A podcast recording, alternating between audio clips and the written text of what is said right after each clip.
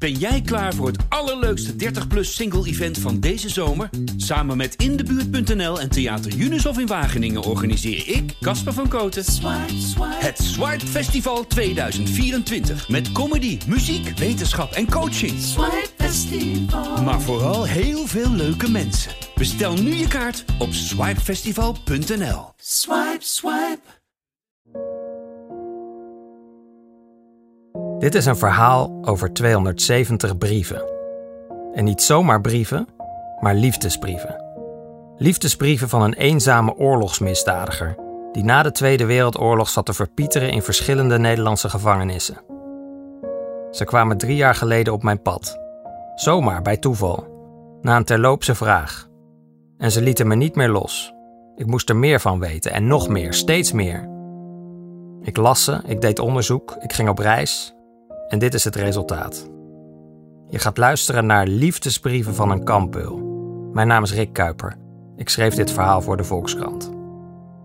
Het gaat over de beruchte SS'er Willem van der Neut, die als bewaker in kamp Amersfoort werkte. En het gaat over zijn zoon, Fokko Detmer, die zijn vader nauwelijks gekend heeft, maar zijn hele leven worstelde met diens daden. Het is een verhaal over goed en kwaad, over de liefde en hoe onzeker die soms kan zijn. Over gruweldaden van heel gewone mensen. Een verhaal over vroeger, met lessen voor nu. Liefdesbrieven van een kampbeul wordt voorgelezen door Gijs Scholte van Aaschat. In zes afleveringen van ongeveer een half uur. Je kunt het verhaal ook lezen op www.volkskrant.nl/slash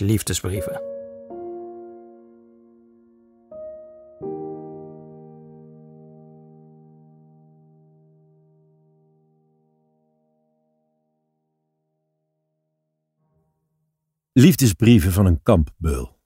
Aflevering 1. De doos van Pandora.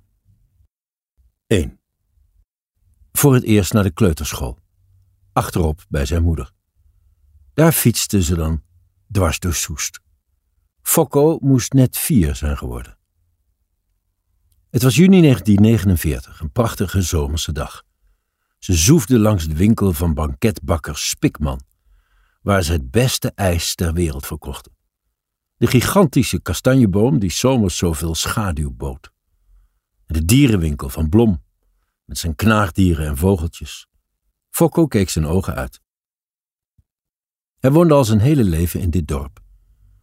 De eerste paar jaar bij zijn grootouders. Later, toen ze weer vrij was, trok ook zijn moeder bij hen in. Nu stapten ze af op de duinweg. Ze volgde het pad naar het schooltje, dat een beetje achteraf stond. Zijn moeder droeg een groene ruitjesjurk met blauwe strepen, herinnert Fokko zich een heel leven later. En hij herinnert zich nog iets.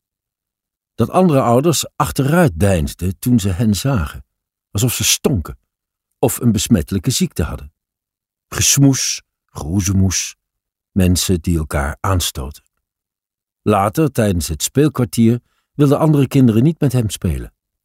Dat mag niet van mijn ouders, zou eentje hem hebben toegebeten. Je vader zit in de gevangenis. Niet waar? antwoordde Fokko met zijn ronde koppie, zijn blonde haren en zijn licht uitstaande oortjes. Wist hij veel? 2. Een kleine zeventig jaar zijn verstreken. Nu weet Fokko Detmer het allemaal wel. Nou ja, niet alles misschien, maar genoeg. Genoeg om er soms wakker van te liggen. Genoeg om te kunnen erkennen dat zijn vader in de Tweede Wereldoorlog een schurk was. Lang heeft hij het weggedrukt. Zijn hele werkende leven trok hij een muur op, zoals zijn vrouw het zegt. En met die muur probeerde hij alles buiten te houden. Niets wilde hij weten over de misdaden van zijn vader. Pas na zijn pensionering in 2010 besloot Fokko een blik te werpen in de achteruitkijkspiegel. Toen las hij alle 270 brieven die zijn vader vanuit verschillende gevangenissen aan zijn moeder gestuurd had, tot vlak voor zijn ontsnapping. Ook verdiepte Fokko zich in de processtukken die hij van een amateur-historicus had gekregen. Daaruit begreep hij dat zijn vader, als bewaker in kamp Amersfoort, gevangenen had getreiterd, mishandeld en gefusilleerd. In 1948 had het bijzonder gerechtshof hem veroordeeld tot de doodstraf. Ook las hij in de documenten dat zijn moeder administratieve werkzaamheden had verricht in het Polizeiliches Durchgangslager Amersfoort, PDA, zoals het kamp officieel heette. Daar hadden zijn ouders elkaar dus ontmoet. Daar hadden ze vele malen vleeselijke gemeenschap, zoals ook ergens vermeld stond. Clara Hendrika Luschen, roepnaam Erika, werd na de oorlog veroordeeld voor collaboratie. Ze zat 2,5 jaar vast. Fokko is niet trots op zijn afkomst, zegt hij als ik hem ontmoet in het ruime appartement in Woudenberg, waar hij met zijn vrouw woont. Maar het is goed dat het hele verhaal een keer wordt verteld. 3. Deze zoektocht begon met een terloopse vraag. Ik stelde hem aan Gertjan Dikken van het NIOT, het Instituut voor Oorlogs, Holocaust en Genocidestudies.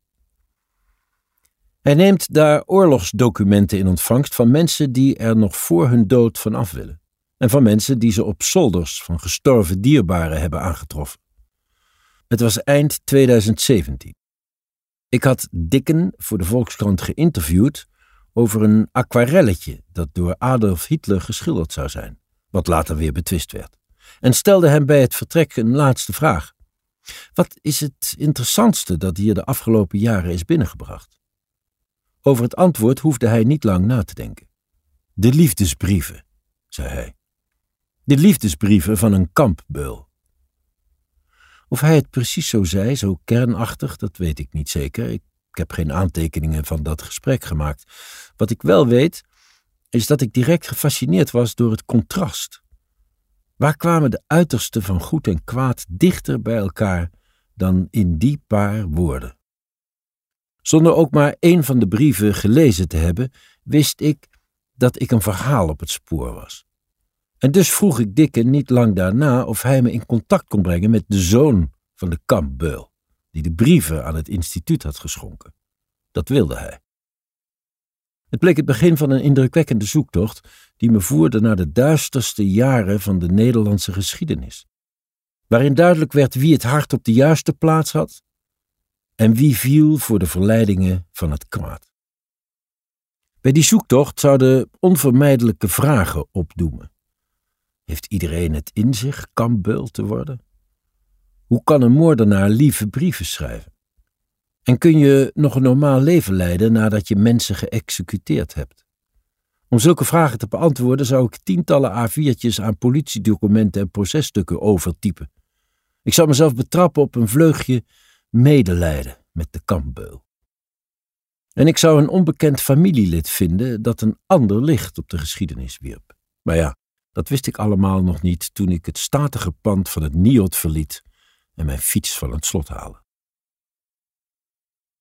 4. Fokko zag op jonge leeftijd heel wat gevangenissen van binnen. Eerst zat zijn vader vast in Scheveningen, toen even in Utrecht, opnieuw in Scheveningen en vervolgens in Amsterdam. Nadat de doodstraf was omgezet in levenslang, belandde Willem van der Neut in 1950 in de strafgevangenis van Leeuwarden. Dat die imposante gebouwen gevangenissen waren, drong destijds niet tot Fokko door. Zijn ouders en zijn grootvader hielden hem voor dat papa daar moest werken en dat hij daarom niet bij zijn gezin woonde, zoals andere vaders in het dorp. En als zij dat zeggen, dan geloof je dat, zegt Fokko daar later over.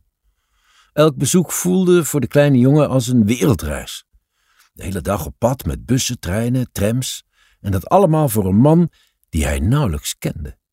In sommige gevangenissen zat zijn vader achter gaas of tralies, in andere aan dezelfde tafel. Altijd hielden bewakers toezicht. In het voorjaar van 51 moest Van der Neut opnieuw verkassen ditmaal naar de koepelgevangenis in Breda.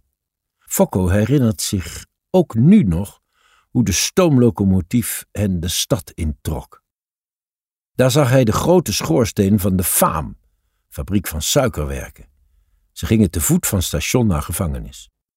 Binnen liet zijn vader hem de werkruimte zien, waar hij in zijn vrije tijd een houten auto, en een houten zeilboot voor hem maakte. Ook ontmoette Fokko er andere oorlogsmisdadigers. Bij Jozef Kotala, eveneens kampbeeld te Amersfoort, zat hij af en toe op schoot. Kotala spaarde voor Fokko de stripboeken van Flipje. De zegels zaten bij de jam. Voor mij, zegt Fokko, waren dat heel aardige mensen. 5. Hoe Fokko ervan hoorde. Ze zullen er thuis over gesproken hebben. Misschien was zijn moeder gebeld, door wie dan ook. Misschien was de politie polshoogte komen nemen. Of ze had het op de radio gehoord, want het was direct groot nieuws. Uit de strafgevangenis in Breda zijn gisteravond zeven tot levenslang veroordeelde politieke delinquenten ontvlucht, zei de nieuwslezer op 27 december 1952. Tijdens een filmvoorstelling in het gebouw hebben zij kans gezien via het ketelhuis op het buitenterrein te komen. Drie van de gedetineerden waren te werk gesteld als stoker, waardoor zij ter plaatse goed bekend waren. In een latere nieuwsuitzending lazen ze ook de namen voor van de zeven ontsnapte mannen. De officier van justitie in Breda heeft meegedeeld dat duizend gulden beloning wordt uitgeloofd voor hen die aanwijzingen geven waardoor de mannen kunnen worden aangehouden. Willem van der Neut, geboren in Nieuwkoop op 6 januari 1919, werd als vierde genoemd. Een week of twee eerder hadden Fokko en zijn moeder hem nog bezocht. Van der Neut had cadeautjes klaarstaan, die ze mee naar huis sleepte. Een knikkerspel onder andere, zo'n bord met spijkertjes, zelf gemaakt. Het was de allerlaatste keer dat ze elkaar in de ogen keken. Fokko was zeven jaar oud. 6.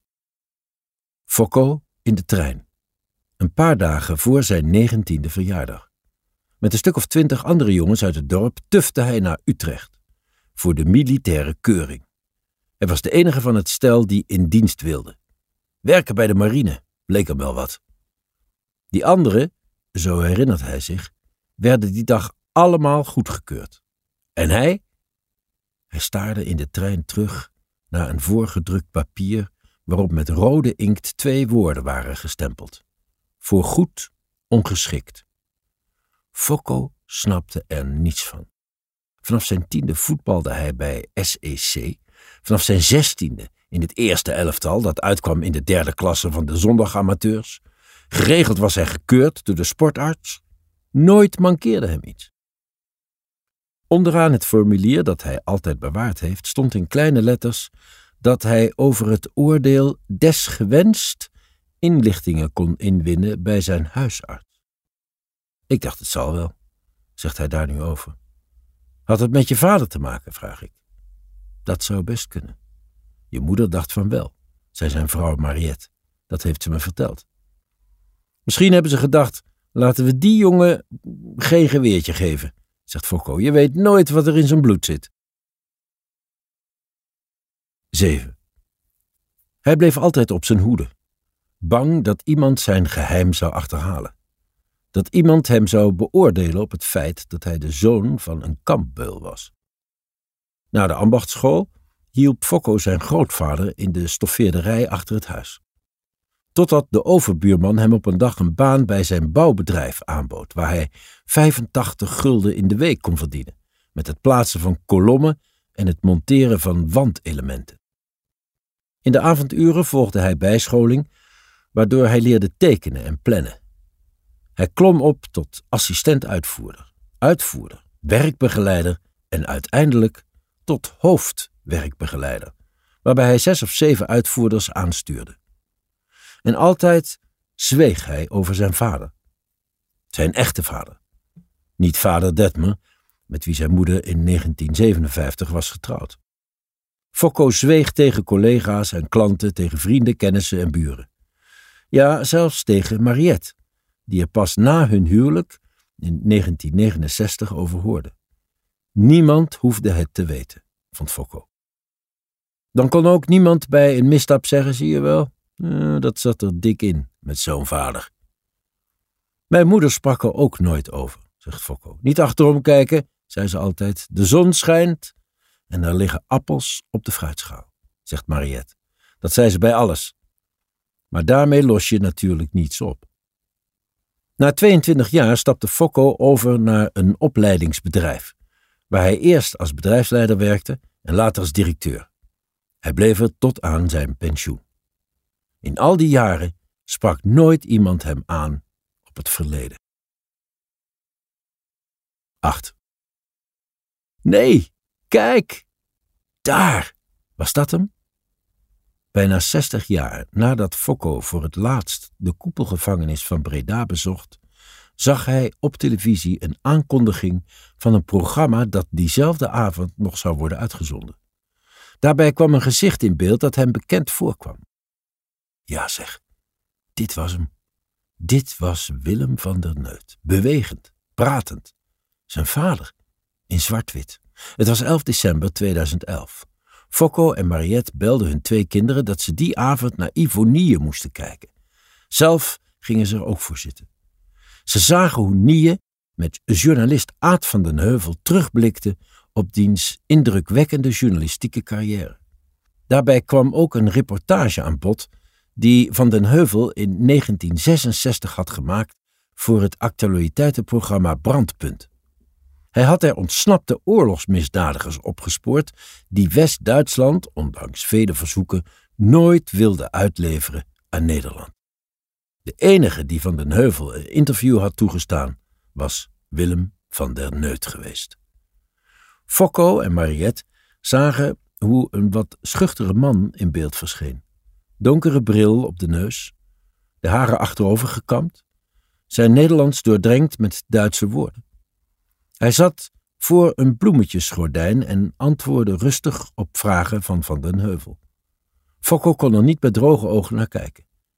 Na het programma hing hun zoon weer aan de telefoon. Hij was boos, herinnert Mariette zich later. Wat een hond, zou hij hebben gezegd. Ik wil nooit meer iets over hem horen. 9. Het had weinig gescheeld of Fokko had de brieven die zijn vader vanuit de gevangenis schreef nooit onder ogen gekregen. Na het overlijden van zijn moeder in 1992 had zijn halfzus het pakket mee naar huis gesmokkeld, zonder hem over de vondst te informeren. Toen Mariette erover hoorde, ging ze verhaal halen. Die 270 brieven behoorden Fokko toe, beet ze zijn halfzus toe. Van der Neut was zijn vader, niet de hare. Ze ging overstag. Kort na die uitzending van Ivonie kreeg Fokko de brieven in zijn bezit. Fokko begon te lezen. Over dagelijkse beslommeringen, over het werk dat zijn vader in de gevangenis deed en over het eindeloze wachten tot zijn gratieverzoeken in behandeling genomen werden. Maar dat was niet alles. Fokko leerde uit de brieven ook dat zijn vader al getrouwd was toen hij in kamp Amersfoort met Erika aanpapte en dat hij uit dat huwelijk al twee kinderen had, als er geen drie waren.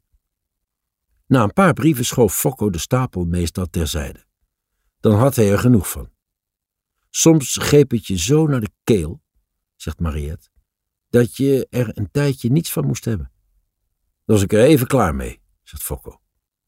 Het is ook niet iets dat je gauw in je vriendenkring bespreekt, zegt Mariette. Alleen aan onze vrienden Jaap en Lottie, heb je net verteld. Toen zat het je hoog. Ze schrokken, maar zeiden ook dat jij er niets aan kan doen. Dat je een goed mens bent. Die vriendschap is er nog hechter van geworden. 10. Uit een verklaring die Willem van der Neut in 1947 aflegde en die Fokko na zijn pensioen wist te bemachtigen. Verschillende malen voerde ik over deze Joden het commando. Ik ben bij dit commando voeren op zeer vrede, beestachtige wijze tegenover deze Jodengevangenen opgetreden. Zo stak ik onder andere hun baard in brand, of rolde deze op een potlood in een roterende beweging tot zij kreunden of schreeuwden van pijn. 11. Tijdens een van mijn bezoeken aan Woudenberg haalt Fokko een prachtige houten kist tevoorschijn, die hij schertsend de doos van Pandora noemt. Zijn vader heeft hem in de gevangenis voor zijn moeder gemaakt. Nu bewaart Fokko er knipsels, documenten en boeken in die met zijn vader te maken hebben. Hij vist er een dvd uit, die hij in de dvd-speler schuift. De hele reportage van Brandpunt uit 1966 staat erop. Fokko heeft de opname na de uitzending van Ivonie bij het Instituut voor Beeld en Geluid besteld. Samen kijken we ernaar. Eerst vertelt Van den Heuvel het verhaal van de ontsnapping uit de koepelgevangenis. Een filmavond, een vluchtroute via de kelder, klaarstaande auto's. Dan somt hij op in welke Duitse dorpen en steden de journalisten de zeven vluchters hebben teruggevonden. Voormalig SS'er Sander Borgers bleek veehandelaar in Leer, op nog geen 40 kilometer van het Groningse Winschoten. We zien hem een kalf naar een boerderij sleuren, handjeklap doen met een koper en twee koeien in de uiers knijpen. Zoals alle anderen is hij weinig gesteld op publiciteit, zegt Van den Heuvel in de voice-over. Hij wilde ons nog wel zeggen dat hij spijt heeft van zijn vlucht, omdat hij, bij nader inzien, een hekel aan de Duitsers heeft. Dan verschijnen de vakwerkhuizen van Oeslar in beeld, een West-Duits stadje nabij de Oost-Duitse grens. Daar woont Willem van der Neut, vertelt Van den Heuvel. Eens berucht beul van het concentratiekamp in Amersfoort, die, zoals de beschuldiging luidde, sigaretten uitdrukte op het gezicht van de gevangenen, die baarden in brand stak, ogen uitdrukte en deelnam aan vele executiepelotons. Over die gruwelijkheden stelt Van den Heuvel geen vragen. Of ze hebben de montage niet gehaald. Wel spreekt hij met Van der Neut over de plannen om de koepelgevangenis te ontvluchten en de hulp die de zeven gedetineerden daarbij kregen. Van den Heuvel, zou u terug willen naar Nederland? Van der Neut zonder een spoor van twijfel. Ja, heel graag. Maar de mogelijkheid is niet daar. Waarom wilt u terug naar Nederland? Ja, hoe zal ik het zeggen? Er is toch maar één land waar je geboren wordt. Daar wil man toch steeds weer naar terug. U hebt nog straftegoed in Nederland. Houdt u dat bezig? Oh ja, also dat hangt altijd overheen. Ik was ter dood veroordeeld. Had twee jaar in de dodencellen gezeten. Was u te zwaar gestraft? Also nach Hollandse opvatting, nee. Het enige wat ik zeggen kan is, ik was in die tijd wat jong, heb me ergens bij aangesloten, heb dat meegemaakt. Nu dat ik ouder ben, wil ik dat niet meer doen. Ik heb nu meer verstand dan vroeger, also, ja. Te zwaar, nee. De gebeurtenissen in de oorlog houden u wel bezig nog? Ja, die houden je altijd bezig. 12. Fokko. Fokkootje. Ons jongske. Van der Neut schreef in veel van zijn brieven aan Erika over hun zoon. Hoe benieuwd hij was, hoe die er nu uitzag. Dat hij een standaardje had waar hij een foto van Fokko in kon zetten. Dat hij baalde dat Fokko tijdens het bezoekuur niet op schoot kwam zitten. Het raakte Fokko toen hij die mooie woorden jaren later op zolder las. Soms wel de tranen op in zijn ogen. Fokkootje, lieve jongen, schreef Van der Neut bijvoorbeeld in 1949. Wat zou ik graag iedere dag met je ravotten en met jou en mama door de bossen wandelen. Jij op mijn schouder en mama aan mijn zij. Dan zou ik mijn geluk niet opkunnen. Een jaar later zeg ons jongske maar dat papa heel graag bij hem is en altijd naar hem verlangt, maar dat eerst het werk af moet. En dat als papa dan bij hem komt, gaat hij nooit meer bij hem vandaan. Weer een jaar later. Jongen, wat zouden we fijn met elkaar kunnen spelen. Als het gaat sneeuwen, sleeën en sneeuwballen gooien. En zomers gaan wandelen en fietsen. En toch sloeg bij Fokko halverwege de stapel de twijfel toe. Want als zijn vader zo zielsveel van hem gehouden had, zoals hij keer op keer schreef, waarom had hij dan na zijn vlucht nooit meer contact opgenomen? Zeker die eerste jaren wist hij donders goed waar Fokko woonde. Het adres had hij honderden keren op de brieven vanuit de gevangenis geschreven. Waren die liefdevolle woorden in die brieven wel oprecht? Of was het toneelspel van een eenzame man? Fokko kon er slechts naar gissen. 13. Uit de verklaring die Willem van der Neut in 1947 aflegde en die Fokko na zijn pensioen wist te bemachtigen, Omstreeks juni 1944, de juiste tijd kan ik niet meer herinneren, heb ik samen met de Hollandse unterchauffeur Van Doren en de Hollandse chauffeur J. Burgers, die in de garage van het PDA werkzaam was, een gevangene Leen van het Gasfrikscommando genaamd, die was ontsnapt en opnieuw binnengebracht, zwaar mishandeld. Blauwe ogen geslagen en een bloedende mond. Ik heb hier uit wraakneming gehandeld, daar hij van mijn commando was ontsnapt. 14. De duik in het koude bad der geschiedenis die Fokko na zijn pensioen durfde te nemen was pijnlijk. Maar het kon niet anders, hij moest wel. Hij wilde weten waar hij vandaan kwam. En dus ging hij op 19 april 2013 met Mariette naar de jaarlijkse herdenking bij kamp Amersfoort. Ze waren uitgenodigd nadat Fokko bij toeval in contact was gekomen met medewerkers van het herinneringscentrum. Hij had ze zijn verhaal verteld. Een Jiddisch koor zong. Job Cohen sprak. En een oud gevangene vertelde over zijn ervaringen in het kamp. Hij had af en toe op de administratie mogen helpen, waar Fokko's moeder ook werkte. Dat was indrukwekkend, zegt Fokko me later. Die man heeft daar stiekem de namen doorgekrast van gevangenen die op transport moesten. Fokko vertelt ook dat hij ongemak voelde. Zaten ze daar, tussen de oudgevangenen, hun kinderen en hun kleinkinderen, te hopen dat niemand hen zou aanspreken, dat niemand zou vragen waarom zij daar gekomen waren. Wat had hij moeten zeggen? Dat hij de zoon was van de bewaarder die hun vader een kogel door het hoofd had gejaagd. Niemand stelde die dag zo'n vraag. En toch lieten Fokko en Mariette later weten dat ze geen uitnodiging meer wilden ontvangen voor de jaarlijkse herdenking. Die bijeenkomst was niet voor hen bedoeld. Later bezocht Fokko samen met Mariette de Duitse militaire begraafplaats in IJsselstein, Limburg. Tussen ruim 30.000 grijze kruizen vonden ze het graf van de man naar wie hij vernoemd was, een andere SS'er, die zijn moeder had lief gehad en die gesneuveld was bij een bombardement. Fokko Kruizen. Pogingen om te achterhalen waar zijn vader begraven was, inclusief mailtjes naar de gemeente Oeslar, mislukten. Uiteindelijk gaf hij dat op.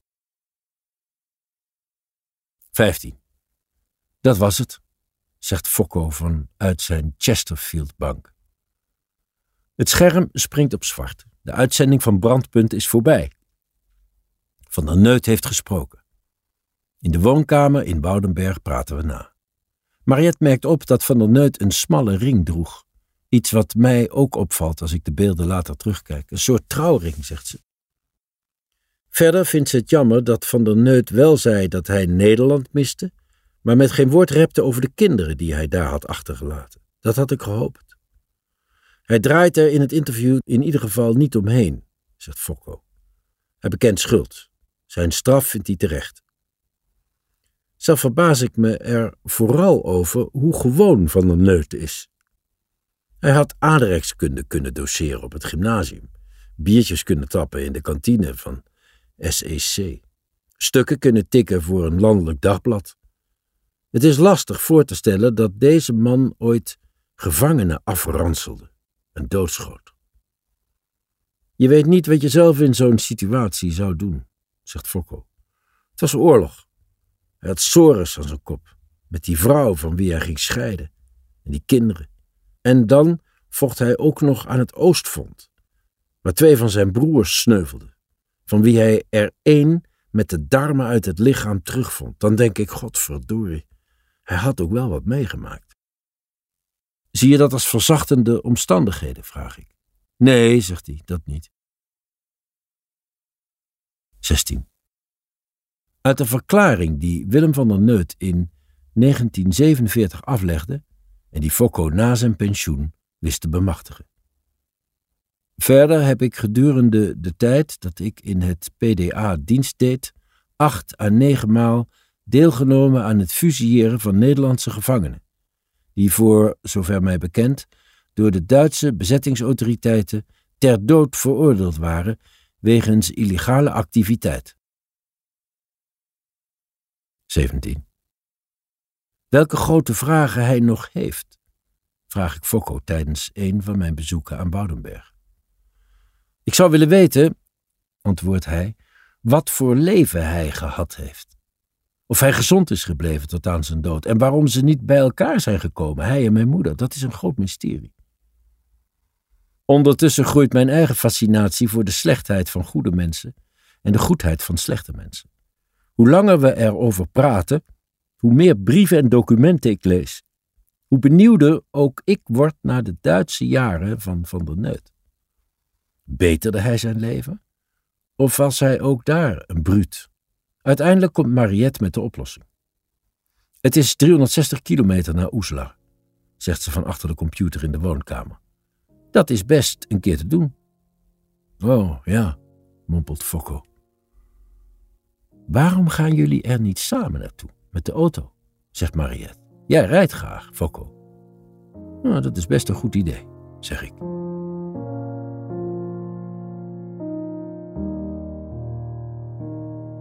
In de volgende aflevering van Liefdesbrieven van een kampbeul. Willem van der Neut was een van de meest gevreesde bewakers van kamp Amersfoort. Welke misdaden pleegde hij daar? En wanneer werd hij verliefd op Erika van de administratie? Je hoort het in aflevering 2. Beul in Amersfoort.